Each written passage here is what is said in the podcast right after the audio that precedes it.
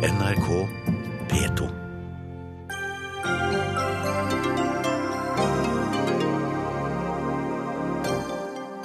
«40 milliarder kroner i året, det koster kreft det norske samfunnet. Hvorfor gjør ikke politikerne mer for å forebygge? Han kaller henne djevel og vil fengsle henne, og partikollegene forsvinner i hopetall. Men til oss kommer en republikaner som fortsatt støtter Donald Trump. 60 000 bananer går rett i søpla hver eneste dag. Nå foreslår Kristelig Folkeparti å forby kasting av spiselig mat, mens samarbeidspartiet Venstre er skeptisk til et forbud.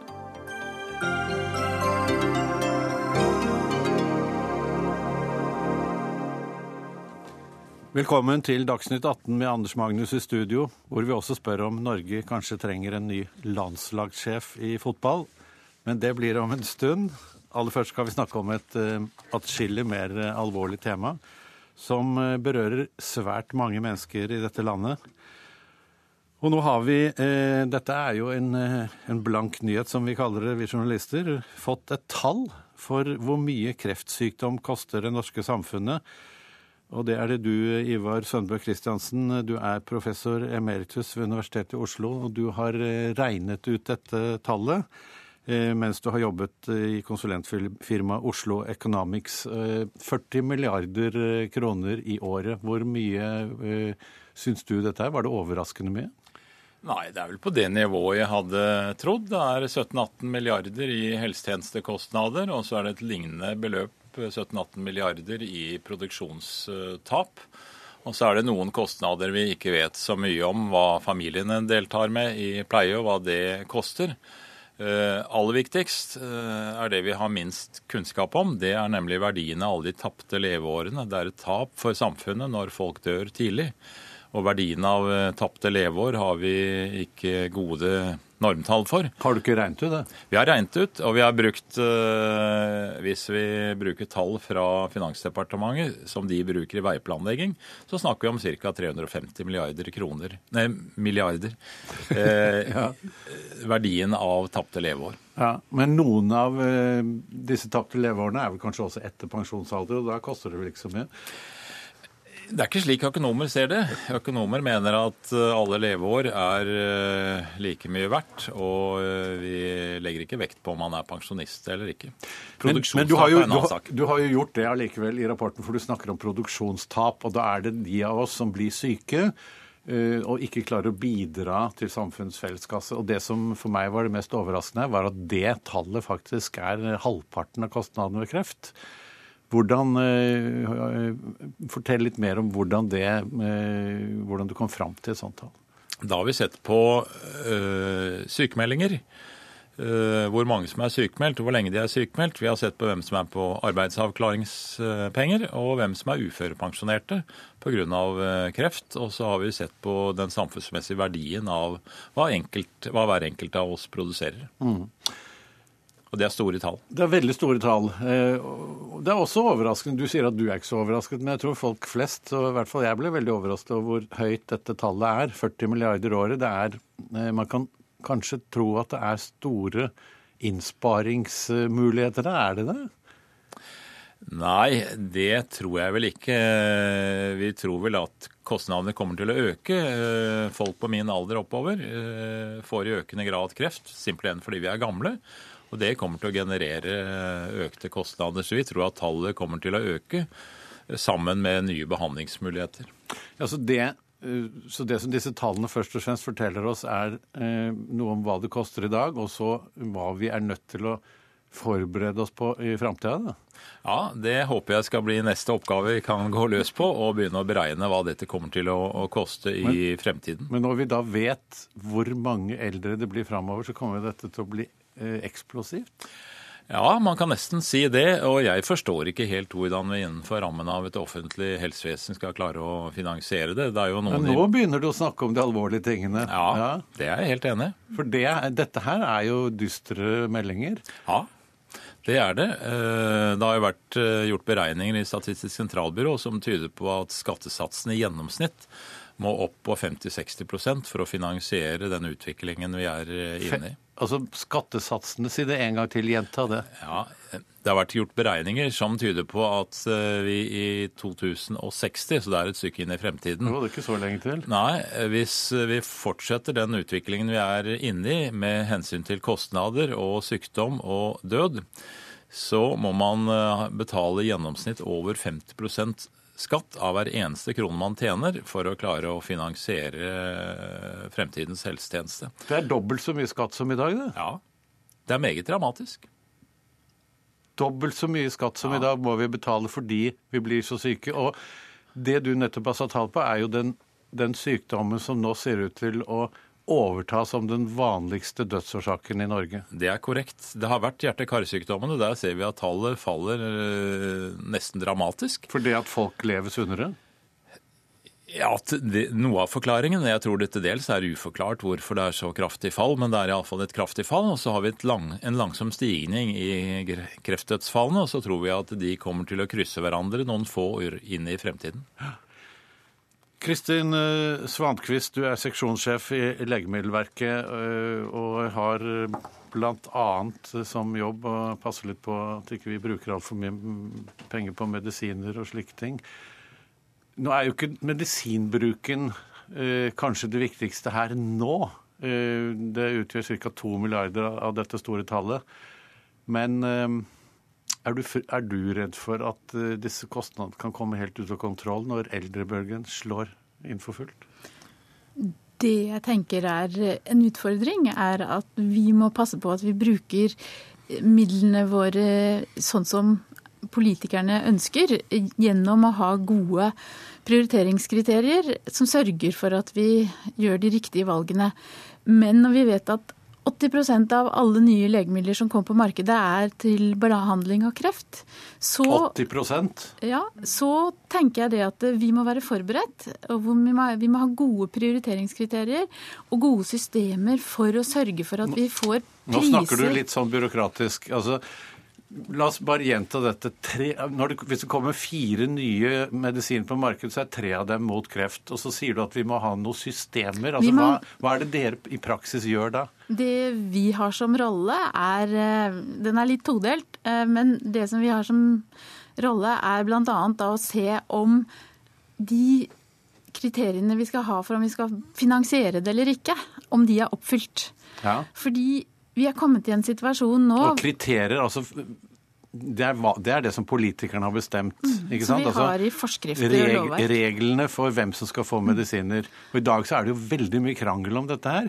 Det kommer en ny medisin, og så ser vi enten en pasient eller en pasientgruppe som står utenfor og demonstrerer og sier at Bent Høie er uansvarlig og ond, nærmest, fordi han ikke vil eh, kjøpe inn denne medisinen. Er, er dere preget mye av dette problemet? Altså, jeg tenker at så lenge vi har begrensa med penger, eh, så må man eh, bruke de så fornuftig som mulig. Og da tenker jeg det at vi må gjøre vurderinger av verdien til legemidlene. Hvordan gjør du det, da? Kan du da, verdsette det, det, det enkelte livet? Vi verdsetter effektene av eh, legemidlene. Det høres veldig kynisk ut. Ja, det er det. Eh, men derfor så trenger vi helt transparente og forutsigbare kriterier å gjøre det etter, sånn at hvem som helst kan etterprøve oss.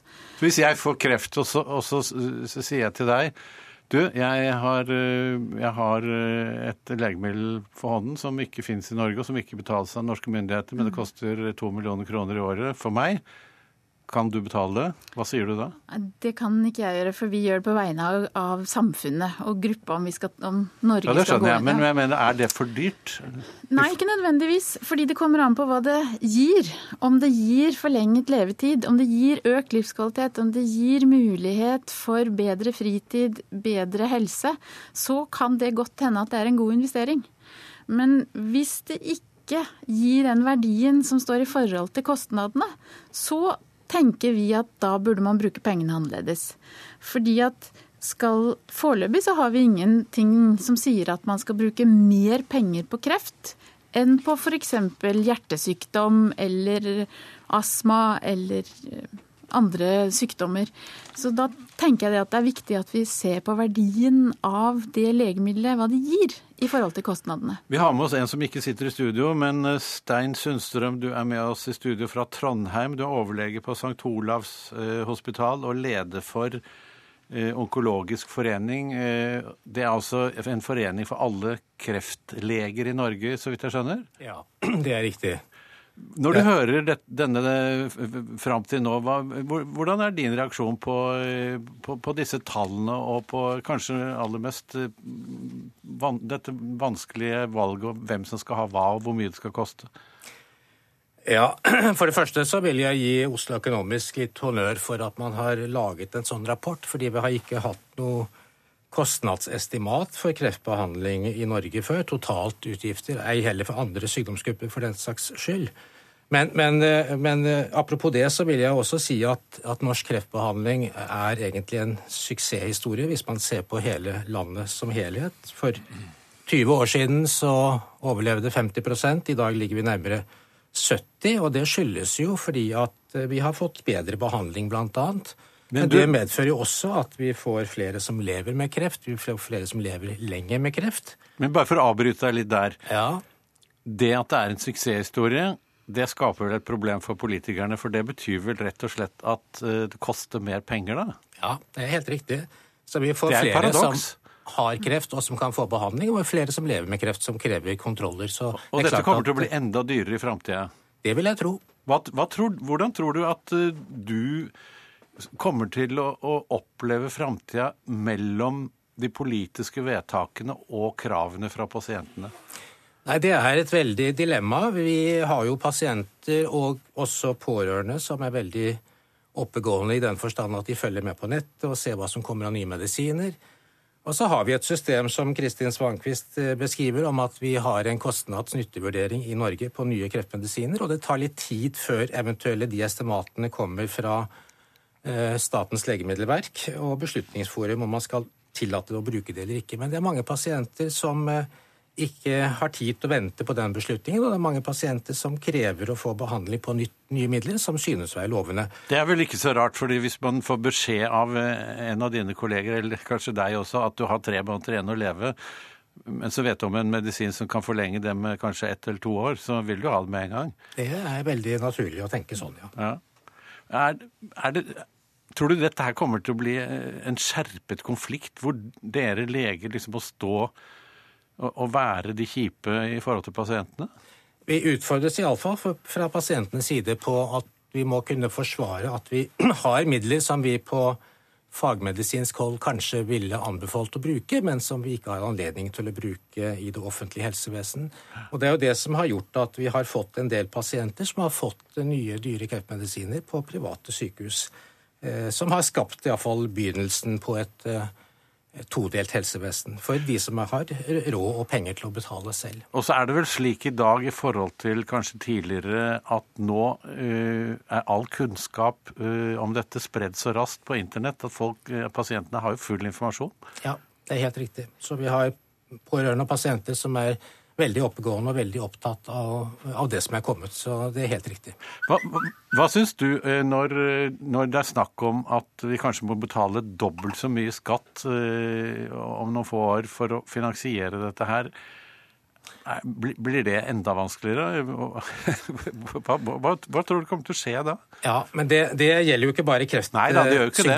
Men kreft blir kanskje den største komponenten i det? da? Ja, men Det gjelder jo hele den aldrende befolkningen vår. Men nå er det jo også slik, som, eh, som også forskning viser, at uh, gamle folk i dag er mye friskere enn de var for 20 år siden. slik at uh, Det er jo mye data som tyder på at selv om man er 80 pluss eller 90 pluss, så klarer man seg ganske bra selv. Men totalt sett så vil aldrende befolkning gjør at utgiftene til helsevesenet blir større. Det er ikke noe tvil om det. Vi har med oss to politikere i studio. Sveinung Steinsland fra helse- og omsorgskomiteen og partiet Høyre. Er du beredt til å øke skattene med det dobbelte for å finansiere bl.a. nye kreftmedisiner og langvarig behandling? Så Det er jo visst alt annet likt. Hvis ikke en gjør noen endringer, så får vi jo fort den historien som Christensen sier. Men vi er jo innstilt på å gjøre endringer i systemet som gjør at vi er bedre i stand til å møte det som kommer. Men det er jo helt klart at hvis vi ønsker et offentlig helsevesen i framtida, så må vi være villige til å bruke penger på det. Og det gjør vi jo. Vi bruker jo mer penger hvert år. Og innenfor, Det høres jo ut her som at vi ikke bruker penger på kreftlegemidler, men det har økt med mellom 20 og 25 hvert år. Jo, men kan de dette, Stensland, kan dette fortsette? Ja, vil vi ha råd til det i framtida, når, når, eldrebølgen virkelig slår innover oss? Hvis vi skal gjøre, løse alt på samme måte som vi gjør i dag, så har vi ikke råd til det. Det er jo derfor vi har lagt fram eh, en rekke stortingsmeldinger denne perioden. Nettopp for å peke men, på hvordan Stortingsmelding gir jo ikke noe mer penger. Nei, Nei men det, kanskje det kan gi noen retninger på hvordan vi skal jobbe. Og det er nemlig det, Hvis vi bare skal løse det på din måte, nemlig mer penger, da går det ikke. Men vi kan løse det med å få en annen form for sykehusvesen, en annen form for primærhelsetjeneste, og ikke minst jobbe mye mer med Forebyggende arbeid. Forebyggende. Ja, og så er det en annen ting at det, eh, det finnes jo andre sykdommer enn kreft der ute òg. Og det som er den store faren her, er at eh, kreftomsorgen det blir det alt overskyggende, og så mister vi alle de store kronikergruppene på veien. Så vi må ha flere tanker i hodet på en gang. Men, Våre tall de viser jo at kreft faktisk har vært prioritert de siste fem-seks eh, årene. Ja. Og så bare For å kommentere det med hjerte- og karsykdom, så er det jo sånn at når, når jeg var guttunge, så døde mannfolk når de var 70 år av hjerte- og karsykdom. Nå lever, lever de til 90 og gjerne får kreft på veien. og Det er ganske lett å lese ut fra tallene i denne rapporten. her. Ruth Grung, eh, du er eh, stortingsrepresentant i helse- og omsorgskomiteen for Arbeiderpartiet. Deler du vurderingene til din eh, kollega fra Høyre? Ja, altså Her tror jeg vi er langt på vei enige. For det første så er det jo en veldig flott historie knyttet opp mot kreft. Langt flere overlever. Det er nesten ingen barn lenger som dør av kreft, sånn som det var tidligere. Og så er det en utvikling på legemiddelsiden som også er positiv. Det kommer til å bli økt konkurranse, patenter går ut, sånn at prisene går ned. Men samtidig så vil det utviklet nye legemidler som vil også ha en pris. Og så er det stråleterapi, for det er ikke bare legemidler. Det er også investeringer nå i protonsenter, som er foreslått både i Oslo og i Bergen. Sånn at den gir mindre bivirkninger og mindre behov for behandling. Men, men blir ikke så... du litt engstelig når du hører hvor mye kreftbehandlingen kommer til å omfatte økonomisk i årene fremover?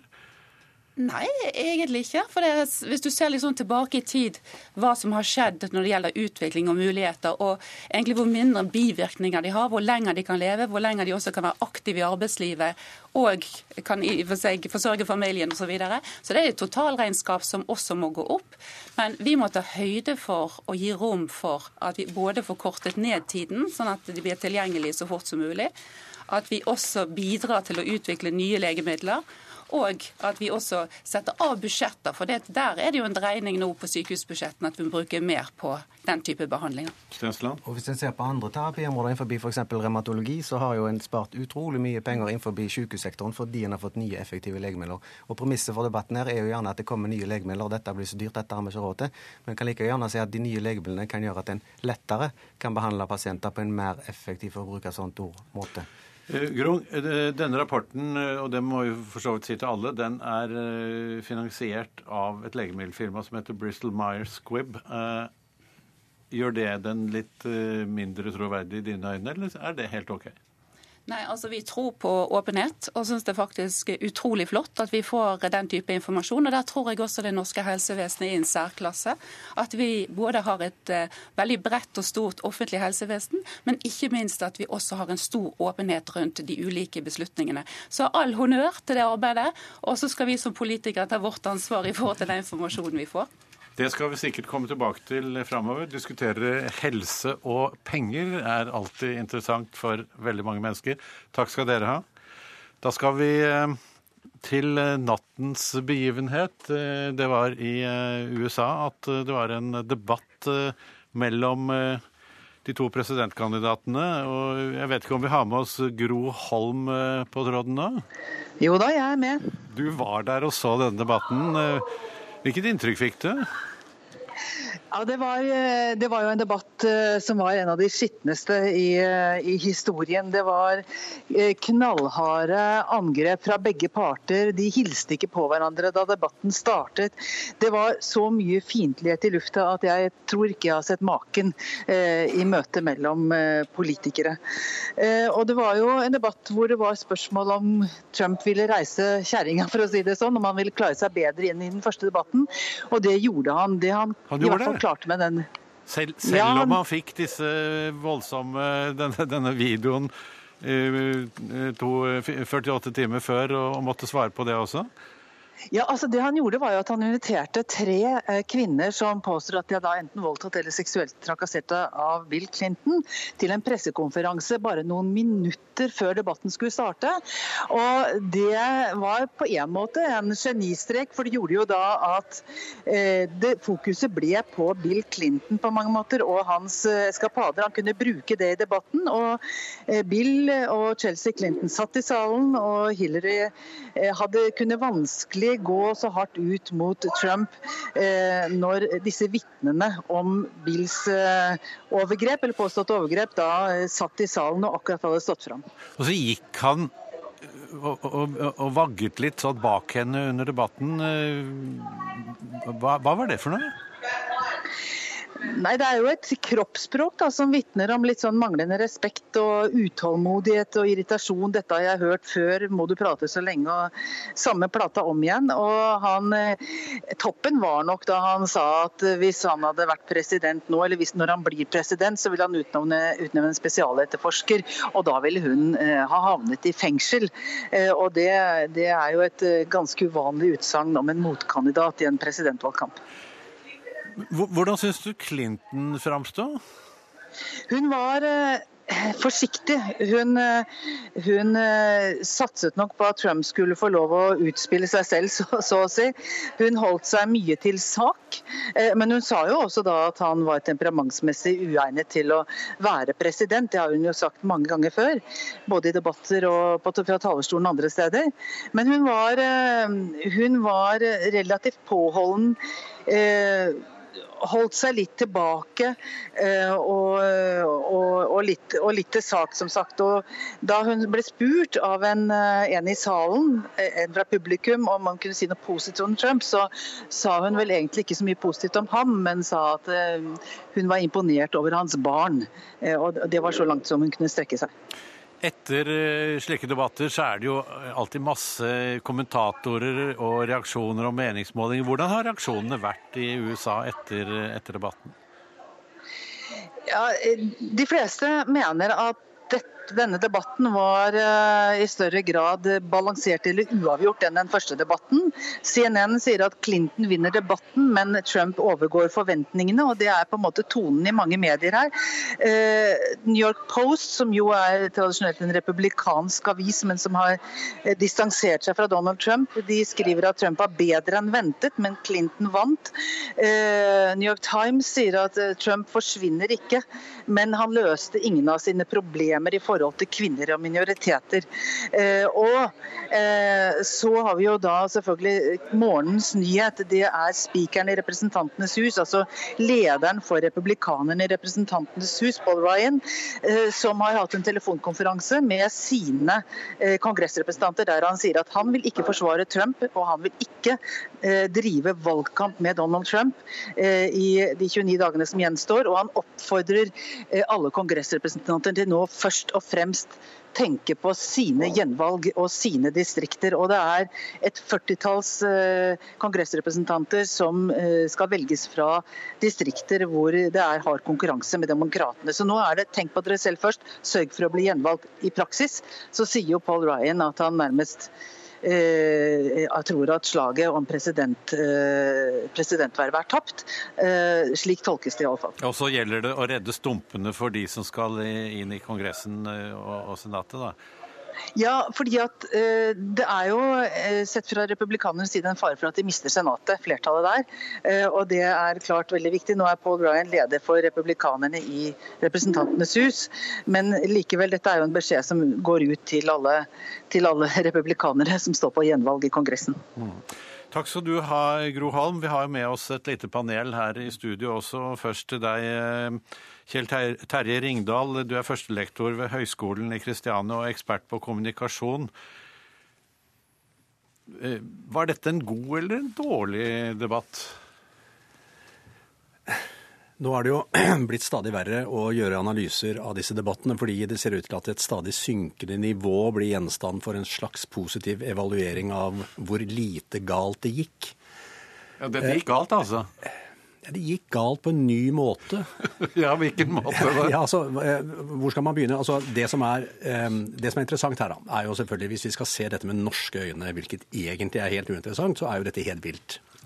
Dette er jo ikke politikk. Det er ikke samtale, det er ikke dannelse, det er ingen samfunnsendringer, det er ingen analyser. Det er form, det er innhold, det er beskyldninger, det er trakasseringer. Det er et gjørmebad av, av politikk, syns vi. Men likevel da, så sitter en ved siden av meg her, og sånn ca. 40% av amerikanerne som føler at de er jo lukket inne i et system hvor det er to partier. Og det ene partiet har da valgt en representant som kan synes å være noe ekstrem, også sett med amerikanske øyne. Men veldig mange republikanere vil jo da føle at de, det er jo ingen steder å gjemme seg. Altså no place to hide. Eh, vi må jo stemme på noen, eller sitte hjemme. Og det er det jeg tror egentlig eh, dette valget nå vil handle om. Hvor mange blir sittende hjemme. Fordi hvis vi skal forsøke å forstå Trumps strategi, eh, så er det å pleie den basen han til enhver tid har. Eh, og den basen tror jeg nok skrumper, men det vil være veldig mange som tenker at Trump er et bra alternativ. Han er et svar på deres frustrasjon og en refleks av forlattheten. Og i det perspektivet så kan det være greit å trå vannet på den måten Trump nå gjør, for han vet at han blir ikke straffet så knallhardt, annet enn at han kommer til å tape. Det tror du? eh, han har altså en strategi hvor, eh, hvor han vil eh, reflektere frustrasjon. Eh, for å vinne så må du vinne kvinner og innvandrere, og der har han jo ikke akkurat spilt på sjarm. Men, men, det er jo eh, en, noen kommentatorer både i USA og senest nå også i Norge som snakker om at eh, mens Hillary Clinton er en maskin, hun er en slags robot eh, mm. som styres i, sånne marionettetråder fra storfinansen uh, og det etablissementet, så er Trump ekte. Han, han, altså han uh, framstår som en, et, et, virkelig menneske. Betyr ikke det mye?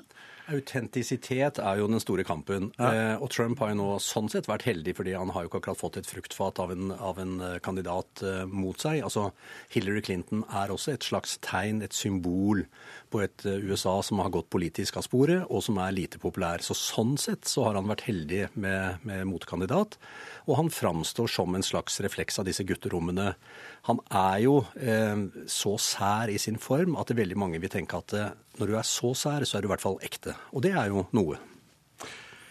Vi har med oss eh, to, eh, eh to her fra eh, henholdsvis Republicans Abroad og Democrats Abroad i Norge. Først til deg, Austin Rasmussen. Du er kommunikasjonssjef i Republicans Abroad. Velkommen. Um, du, du, sier at du går på norskkurs. Ja. Du snakker litt norsk, gjør du ikke det? Jeg prøver, men uh, jeg, det, det, kan kanskje være litt vanskelig for meg, så jeg kanskje bytte til uh, engelsk. Ja, hvis du, hvis du, får problemer med uh, det du skal si, så si det gjerne på engelsk. Men det er morsomt å høre deg snakke norsk også. Jeg, jeg, snakker norsk til deg, for du har sagt ja, til meg at du, du forstår det. Det går bra. Ja. Hvorfor syns du at uh, Trump etter uh, dagens, uh, eller nattens debatt for oss, gjorde det bra? Jeg synes at de brukte den siste gang som lærte erfaring, og han var bedre i gang, fordi siste gang han var veldig argumentative and confrontational. Uh, and uh, I think he used that as a learning experience, and I think he was very much prepped beforehand, and you could see that throughout the debate that he was really biting his tongue and doing his best not to interrupt as much as he did in the previous time. Du mener han var mer for forberedt denne gangen. Men hva med, mm. hva med eh, du som da forsvarer Trump, hvordan forklarer du denne eh, videoen som ble vist eh, på TV over hele USA, hvor han forteller om hvor lite respekt han har for kvinner? Well, with this particular debate, that was a core part of his strategy is deflecting, uh, as he addressed, is, is deflecting away from any of this um, scandal that has come out over the last two days. And he did that uh, with bringing Bill Clinton's um, victims up on uh, in the audience, and he did that by addressing Bill Clinton's victims during the debate whenever it was brought up. Uh, so that was a core part of the strategy. I think uh, when we call this, uh, when we say that he has no respect for women because we're basing it off of an, uh, an 11-year-old conversation, that's a bit of a far reach. I think that, I don't, I don't believe that there's. I don't think that there's anyone on earth or anyone in this room, anyways, that uh, hasn't had a conversation in private where they've said something that if it came out in public, they wouldn't be ashamed or embarrassed by it. Har du, har du hatt eh, Brad Larsen, du er nestleder i Democrats Abroad. Har du hatt en sånn eh, samtale som du helst ikke ville hatt eh, tatt, opp på teip? Ok, vi, vi kan bli enige at vi alle har kanskje sagt ting vi kan ønske ikke var tatt opp på tape, men jeg tror det er et spørsmål om grader, degrees. Uh, hans negative kvinnesyn er ikke bare for den tape, det er bare den nyeste ting som er kommet ut. Uh, uh, vi så hvordan han har håndtert Miss Universe tidligere Miss Universe, og jeg syns hans kvinnesyn, negative kvinnesyn er kommet gjennom men, men hvis vi går tilbake til, til nattens debatt, så, ja. så, gjorde jo altså ikke din helt inne.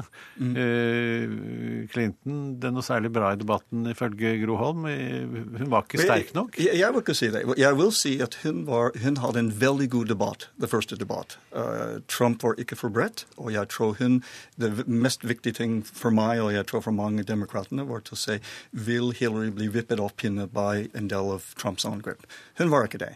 Hun holdt seg calm og, og, og, og rolig og klarte å argumentere på en fin måte. Jo, men Er det nok, er det nok å liksom ikke bli opphisset og være rolig? Må man ikke være offensiv? Må man ikke få budskapet ut? Ja, men det, Spørsmålet er, når vi sier budskap Hvis hver gang budskap kommer ut, det er en motangrep, og det er, hans, det er hans måte å bruke retorikk på. Det er veldig splittende, det er veldig divisive, veldig negativt. Uh, det er veldig vanskelig å få ut detaljer. Og hvis vi ser på hva Trump har sagt gjennom hele kampanjen, og hele, hele valgprosess, før valgprosess og hovedvalgprosess, uh, det har vært veldig lite content. Det meste har vært følelse, det meste har vært syndebukk, det meste har vært frykt og veldig lite contact, eh, content på Du mener det er ikke noe innhold i det Trump sier? Det, er veldig lite ja, Men nå svarte du jo egentlig ikke på det jeg spurte deg om. For okay, jeg, spurte, jeg, spurte, jeg, spurte, deg, syns du ikke hun var veldig lite offensiv? No, jeg, jeg syns det, er et spørsmål spesielt uh, med en kvinne i politikk hvor mye du kan ta angrep for det er sett som negativt.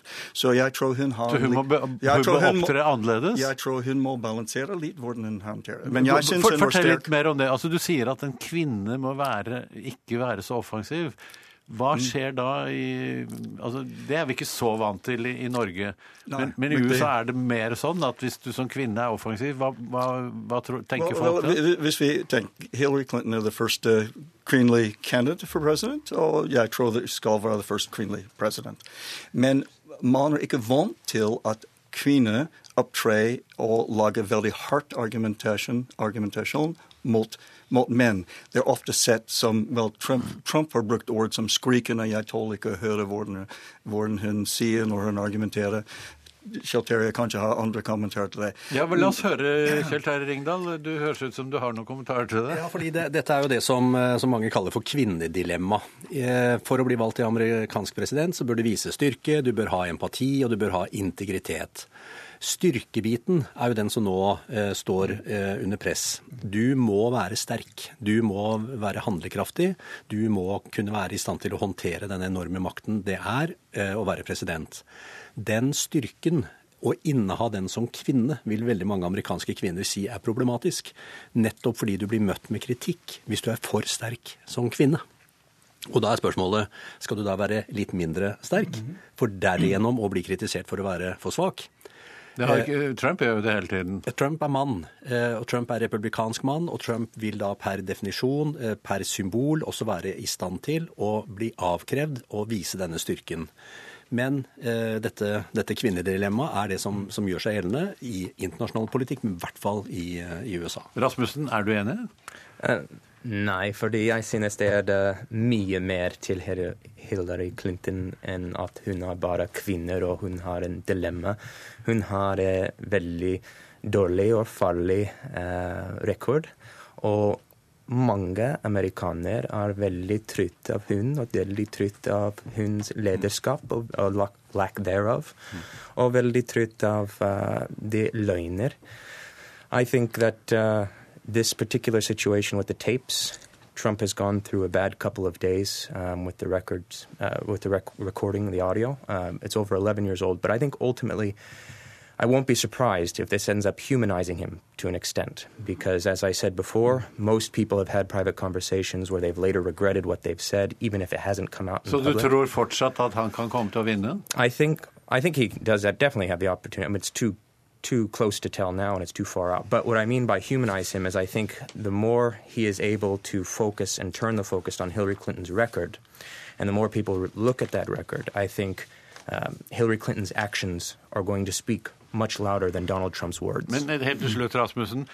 Det at eh, John McCain, Condoleezza Rice, eh, Paul Ryan, eh, Arnold Schwarzenegger nå trekker tilbake støtten til Trump, tror du ikke det virker veldig negativt på kampanjen hans? Ja, men disse, de var, de var de som are, uh, they were reluctant to give his, their support in the first place.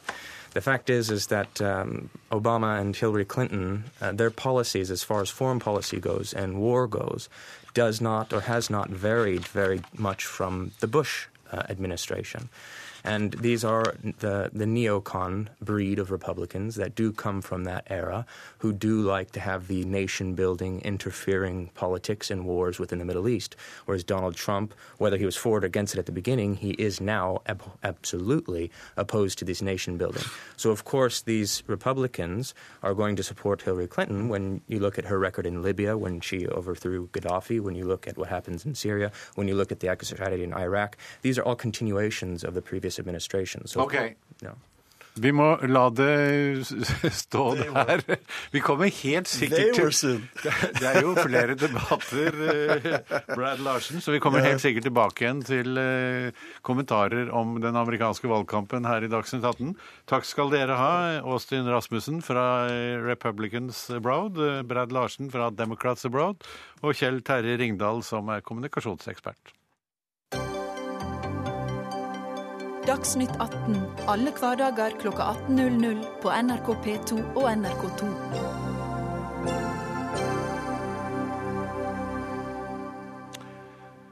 Hver eneste dag så er det 210 000 poteter og 60 000 bananer som går rett i søpla. Det er ikke bra. Så nå foreslår Kristelig Folkeparti å forby at man skal kaste spiselig mat. Mens Venstre er eh, litt skeptisk til et sånt forbud. Og eh, først så vil vi høre med deg, Line Henriette Hjemdal. Du er med oss eh, på på, på en telefonlinje. Hallo? Har Hallo, vi- hallo. Der har vi Line Henriette Hjemdal, ja. ja. Kan du fortelle oss dette, hvorfor dere vil ha et forbud? Jeg mener at en lov som setter fokus på å ta vare på spiselig mat, om det er potetene eller om det er bananene som du nå var opptatt av, bør være et av de tiltakene som vi nå vurderer for å få ned matsvinnet. Vi vet at eh, vi kaster altfor mye mat, over 355 000 tonn per år. Det er store verdier. Det er sløsing med CO2.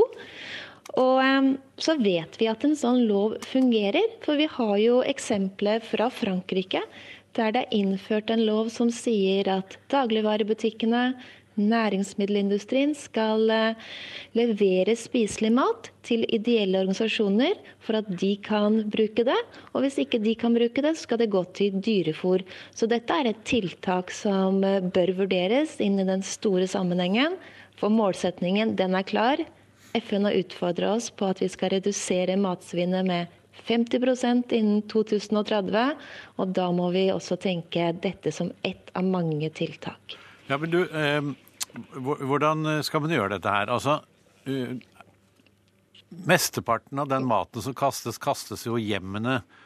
Burde ikke hver enkelt av oss også få forbud mot å kaste spiselig mat? Jeg tror ikke at vi skal ha noe sånn eh, søppelkassepoliti hjemme i hvert enkelt hus, men vi må jobbe med holdningene. Eh, Du og jeg må Hvor- hvorfor for det første det? tenke Hvorfor, hvorfor, skal, hvorfor skal det være lovlig for, for oss eh, forbrukere å kaste mat, mens butikkene skal ha forbud? Nei, det er ikke slik at uh, vi bør bruke politiets ressurser på å uh, kontrollere søppelbøttene, men, du og jeg må kaste butikkene, mindre. de, de kan du bruke politiet på å kontrollere. Nei, men der skal vi lage helhetlige verdikjeder. Eh, slik hvis ikke Kiwi eller noen andre forretninger, som også nå Kiwi er et godt eksempel på at de gjør det bra i dag, de leverer til Frelsesarmeen, har en god avtale. Men eh, hvis man ikke får solgt maten, så skal man levere det til en matsentral eller en annen lignende enhet, som man kan bruke den maten videre. Matsentral, hva er det for noe? Hva er en matsentral? Matsentral er en eget organ der f.eks. Godt levert sin sjef syns det er utfordrende at eh, noen av kassene får ikke han levert på døra hjem til oss som forbruker. Fins det sånne matsentraler i dag, eller? Ja, det fins en sånn en i Oslo. Og vi må bygge ut flere av de, men den fins i Oslo. Som er et samspill der næringen har tatt et stort, stort ansvar, men der det offentlige er inne, der frivillige er inne. Og der da eh, de som trenger f.eks. Blå Kors eller Frelsesarmeen, kommer på Matsentralen og får mat som butikkene ellers hadde kasta. Du må ha en sånn matsentral på hvert uh, tettsted da, i hele Norge? Ja, Vi må iallfall ha flere av det, men det finnes i dag allerede gode ordninger som eh, man kan videreutvikle. Det er ikke sikkert at alle steder skal ha matsentral.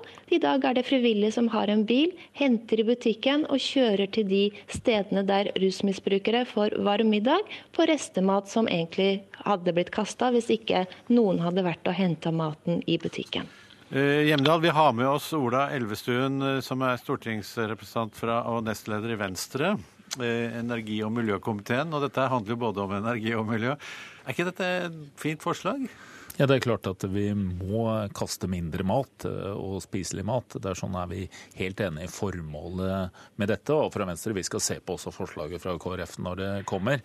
Men vi er nok der litt sånn at vi trenger ikke å gå rett på et eh, forbud. For nå er det jo også en avtale mellom bransjen og myndighetene for å se på hvordan de kan nå bidra til å redusere den eh, maten som de kaster. Og så er det veldig positivt å bygge opp under at man også deler dette ut. Det med mat Matsentralen er et eh, godt, eh, er et godt forslag. Så dette handler ikke egentlig om, eh, om, Vi er helt enige om hva som er målsettingen, men det handler om hvilke virkemidler jo, som vi ofte, faktisk skal bruke. Det er jo ofte det som politikk dreier seg om, det er bruken av virkemidler. Og nå sier jo Kristelig Folkeparti og Hjemdal at dette fungerer f.eks. i Frankrike, som har, har en sånn lov. Eh, og dere som liksom er miljøpartiet, så å si, ja, på, hvert fall på borgerlig side. Ja, det, og det er vi da også virkelig. Og vi har jo gjort, har gjort, mye her. Sånn har du denne enigheten. Vi har også gjort sånne praktiske tiltak, som er å fjerne momsen på den maten som faktisk deles ut. For tidligere var det jo sånn at eh, de som ville gi bort maten, de måtte likevel betale moms for denne. Jo, men hvorfor, hvorfor vil ikke dere fjerne. slå dere sammen med, med Kristelig Folkeparti i dette gode ønsket? Som jeg sier, vi skal se på det forslaget. Se på det, nå... men det høres veldig uforpliktende ut. Nei, nå er dette en stor oppgave. Vi har også en svær avfallsmelding som skal komme til eh, våren. Ja, nå snakker vi ikke om vi... avfall, nå snakker vi om spiselig mat. Dette er ikke avfall. Jo, det viktigste i, forhold til avfall er jo å redusere mengden av det. Det viktigste er jo nettopp å sørge for at den, den maten da blir brukt. Det er det første leddet i det å komme med tiltak for å redusere også avfallet i, i andre enden. Så dette er en viktig del av den helheten. Og da må vi se på klarer vi å få det samarbeidet som nå bransjen og, og myndighetene har blitt enige om. Ja, vi klarer, jo ikke det. Det har jo, de har Nei, jo ble... vært en sånn frivillig ordning. da... Nei, dette ble inngått nå. Man har ble... ikke klart uh, altså Målsettingen var 25 nedgang, så har man klart 12 Trenger man ikke da litt uh, skarpere lut, så å si? Det kan være at man trenger. Eh, og da er det Så du ser ikke bort fra at dere kommer til å støtte en sånn lov? da? Selvfølgelig skal vi jeg sier, selvfølgelig skal vi nå se på eh, hvilke erfaringer som man har fra Frankrike. Vi skal se på hvilke målsettinger eller hvilke, eh, hva vi får til her i Norge med de avtalene som vi har. Og så er jeg helt sikker på når dette forslaget også leveres fra KrF på Stortinget, så klarer man å finne fram til noen formuleringer som det har en enighet om. For dette er jo et utredningsforslag. Okay i første hånd som står der. La oss høre med Hjemdal. Er du fornøyd med at det skal bli sånne budsjettforhandlinger så å si, om, om denne, dette lovforslaget også? Jeg er for glad for at eh, Elvestuen og Venstre vil se på dette forslaget, for det er en utredning. Og jeg forbinder jo Venstre med et parti som er opptatt av kunnskap og fakta. Vi har et land som har gått foran, som er et godt matland, med å innføre en slik lov med gode resultater. Og hvis man da skal også ta Venstre på alvor, at det virkelig er et miljøparti, ja, så må man jo iallfall være med på en lavthengende frukt. Her klarer vi, hvis vi tar vare på denne maten, og noen kan spise den, eller dyra våre kan bruke den, så er det godt klimatiltak, det er godt verdiskapning, og først og fremst så metter vi mager som ikke hadde blitt mette i løpet av dagen hvis vi hadde kasta maten. Nå tror jeg du får lov å få siste ordet her. dette. Nå er vi ferdig med denne bolken, dessverre, Elvestuen. Så får dere diskutere dette i Stortinget og komme tilbake til Dagsnytt 18 når dere har blitt enige. Takk skal eh, du ha, Line Henriette Hjemdal på linje og Ola Elvestuen i studio. Her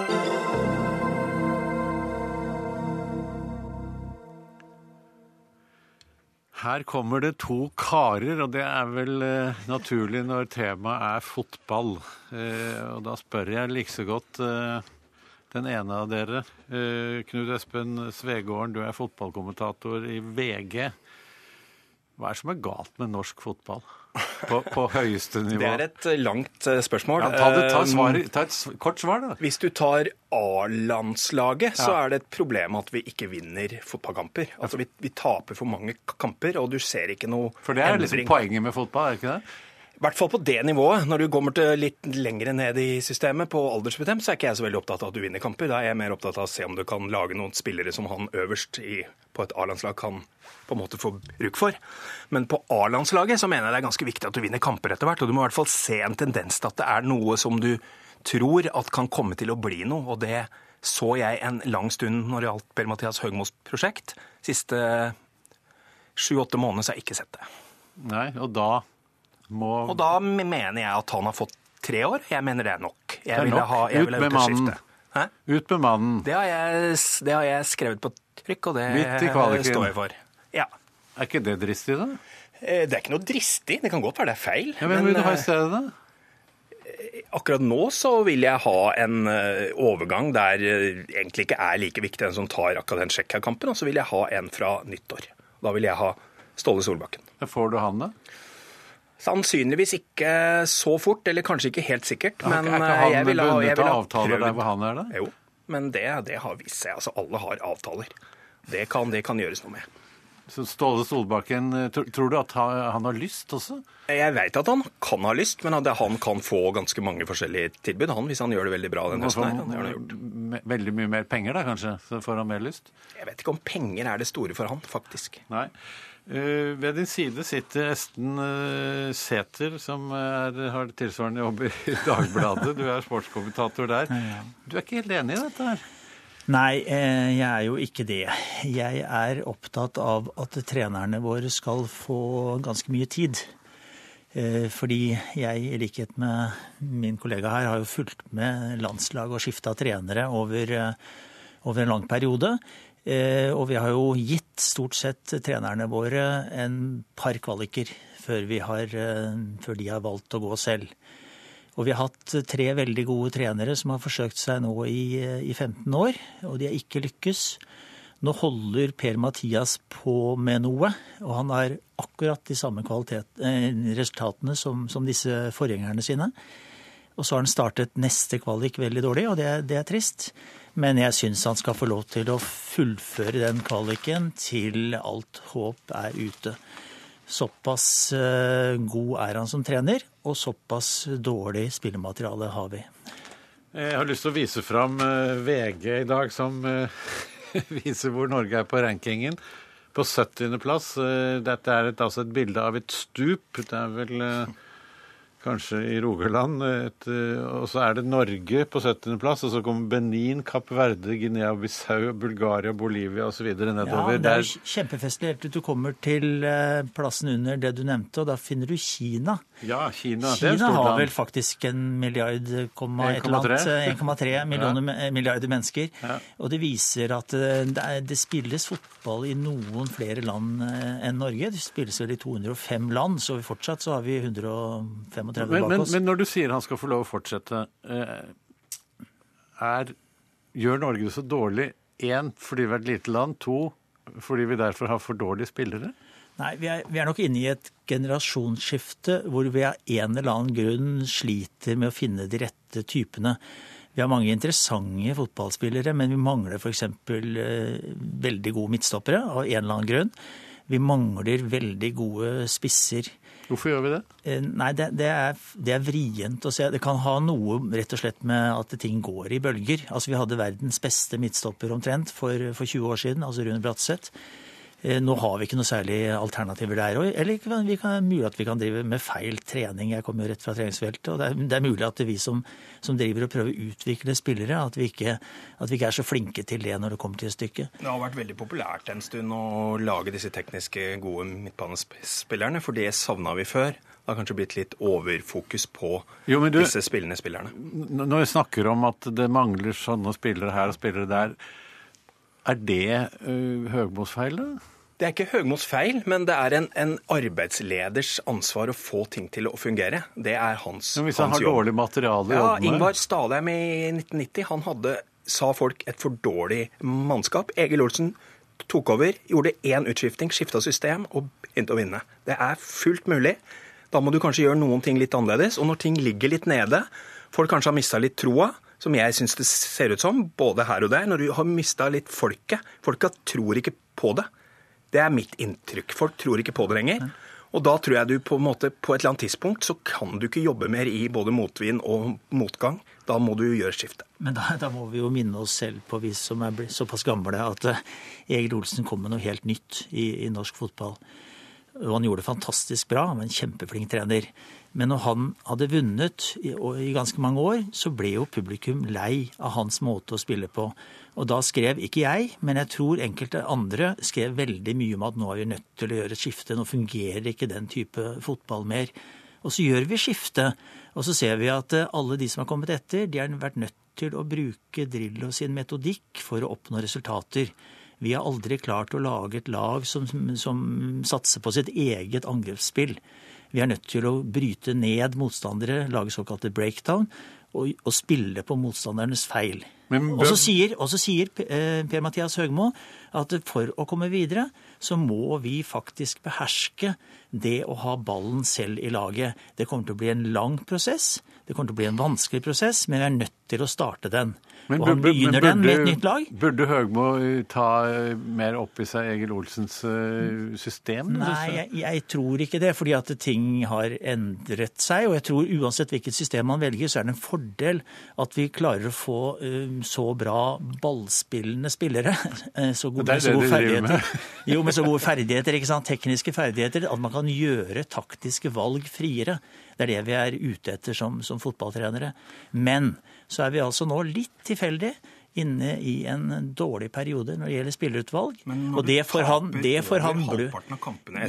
Og han som da var før det, han vant over halvparten. Så er det et eller annet sted her, så går det en grense for hvor lenge vi skal vente på Altså, jo, på et eller annet tidspunkt de mest, de mest... Dette her snudde. Du hadde en god oppgang i fjor høst, da du bl.a. slo Kroatia her hjemme. Så har det skjedd et eller annet fra der til nå. Det er et eller annet som er dødt. og du når mine statistikker viser at motstanderen trenger tre sjanser for å skåre, vi trenger fem. Det er snittet på hans 33 kamper. Det er en enorm forskjell, Esten. Jo, da må du kanskje Det er jo individuelle, er jo altså, Nå snakker du om individuelle ferdigheter. Altså, du har et kjempeeksempel på det jeg sier. Jeg snakker om et lag, og derfor så må du kanskje forenkle ting litt for å skape andre type sjanser. Når du da når sjansegreiene endrer seg såpass, Esten, som det faktisk har gjort, da er det et eller annet gærent. Jo, det, Men det er gærent i selve avslutningsegenskapene. ikke sant? Det er akkurat det jeg snakker om. I, i forrige kvalik, du er nødt til å tenke bare på kvalik, ikke, ikke på disse privatkampene dine. Det bare ødelegger ja, statistikken. Det her er men, veldig interessant. Det kunne fortsatt legge. Men eh, helt til slutt, hvem vinner, vinner Norge mot San Marino? Ja, det gjør vi. Ellers har jeg tatt veldig feil. Og jeg tror ikke jeg har tatt feil i denne saken. Vi vinner med i hvert fall tre mål, kanskje fem, okay. kanskje seks. Så i hvert fall noe å se frem til, da. Ja, jeg okay. tror ikke det har så veldig mye å si, men det takk, skal da, takk skal dere ha, Knut Espen Svegården fra VG og Esten Sæther fra Dagbladet. Hør Dagsnytt 18 når du vil. Radio NRK Radio.nrk.no.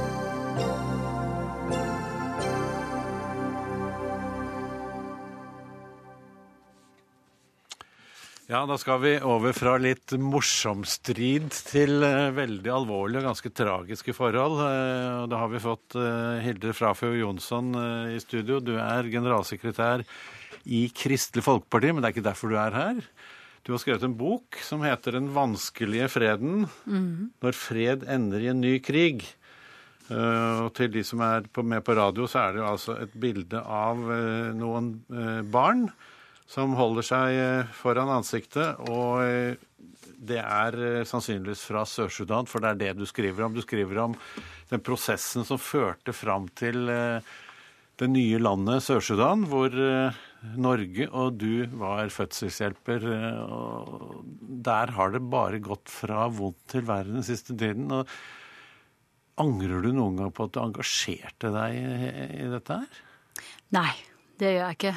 Ehm, dette er eh, det landet som etter Sør-Afrika egentlig sto igjen som et eh, regime som diskriminerte og undertrykte et helt folk. Eh, og på mange vis var det en apartheid-lignende styre. Eh, og det å bidra til rettferdighet for eh, alle de som var undertrykt og marginalisert i, i Sudan, og i dette tilfellet Sør-Sudan, var viktig og vil jeg fremdeles påstå var en, en veldig sentral og viktig kamp å ja, nå har det, jo ikke, har, det har jo ikke gått så veldig bra for, for disse folkene som, eh, som bor der. Da. Det er altså 2,5 million, millioner som nå er på flukt. Seks millioner mennesker er avhengig av nødhjelp. Og senest i dag så ble jo 21 sivile drept av opprørssoldater i et bakholdsangrep mot en bilkolonne, kunne nyhetsbyrået Reuters melde. Og her er det jo altså snakk om Eh, en konflikt som på mange måter er utløst av to veldig eh, store egoer. Det er president eh, Salva Kiir, som jo er, tilhører folkegruppen Dinka, og, og, han som skulle vært visepresident, Rik Mashar, som tilhører folkegruppen Nuer. Burde de ikke egentlig hatt hvert sitt land, disse to? Det hadde vært fullt mulig å bidra til en eh, fred, fredelig utvikling for Sør-Sudan. Eh, det hadde vært fullt mulig å bidra til eh, at dette landet hadde kommet på fote. Det er en konsekvens av tre-fire eh, veldig uheldige ting. Det ene var at de mistet sin leder, dr. John Garang, som kunne ha bidratt til en enhet eh, i sør som hadde, tror jeg, fått et annet utfall. Det andre er selvfølgelig at her har du hatt to ledere, som du helt riktig påpeker, i en maktkamp har satt hele landet og folket i spill. Og tatt en utilbørlig risiko som har ført til en ødeleggelse som mangler sidestykke i Sør-Sudans historie. Men, men altså, og det altså- tredje, hvis jeg kan få ta ja, ja, det med, ja, det er jo at det internasjonale samfunn heller ikke er helt uten skyld. Måten vi bygget uh, og støttet opp om eh, sørsudanske styresettet i forberedelsen til uavhengigheten, var heller ikke godt nok. Eh, så her er det flere elementer som bidrar, og som også gjorde at når krisen først var et faktum, var det ikke robust nok til å holde. Du skriver i boken din at eh, president Salwa Kiir eh, var en beskjeden mann som trivdes i bakgrunnen. Skuespilleren George Clooney har fått utarbeidet en rapport hvor, hvor det hevdes at både president Salwa Kiir og visepresident Rik Machar og omlandet rundt disse to har plyndret landet sitt. De har kjøpt seg svære herskapshus, de har luksusbiler, de har investeringer i utlandet. Og Norge har jo bidratt med veldig mye penger, kanskje også en del korrupsjonspenger. Vi har jo bidratt med mange milliarder kroner. Er, ikke vi medskyldige i denne korrupsjonen og dette vanstyret ved å liksom øse inn penger uten å stille noen krav, eh, eller ikke noen krav, da, men å stille de riktige kravene til disse menneskene? Nei, jeg i min bok er den som var først ute med korrupsjonsavsløringer. Eh, boken inneholder den engelske boken som kom ut først i juni. Inneholder en enorm mengde med avsløringer av korrupsjonsproblemene i Sør-Sudan og handlingene. Eh, og det som helt klart er det største problemet, det er at oljeressursene er det de har misbrukt. Da må jeg nesten avbryte deg. er det ikke de har misbrukt. Fordi eh, vi, tiden vår er ute. Vi kunne snakket lenger om dette her. Ansvarlig for denne sendingen er Fredrik Lauritzen. Teknisk ansvarlig Lisbeth Sellereite. Og i studio sitter altså Anders Magnus. Hør flere podkaster på nrk.no podkast.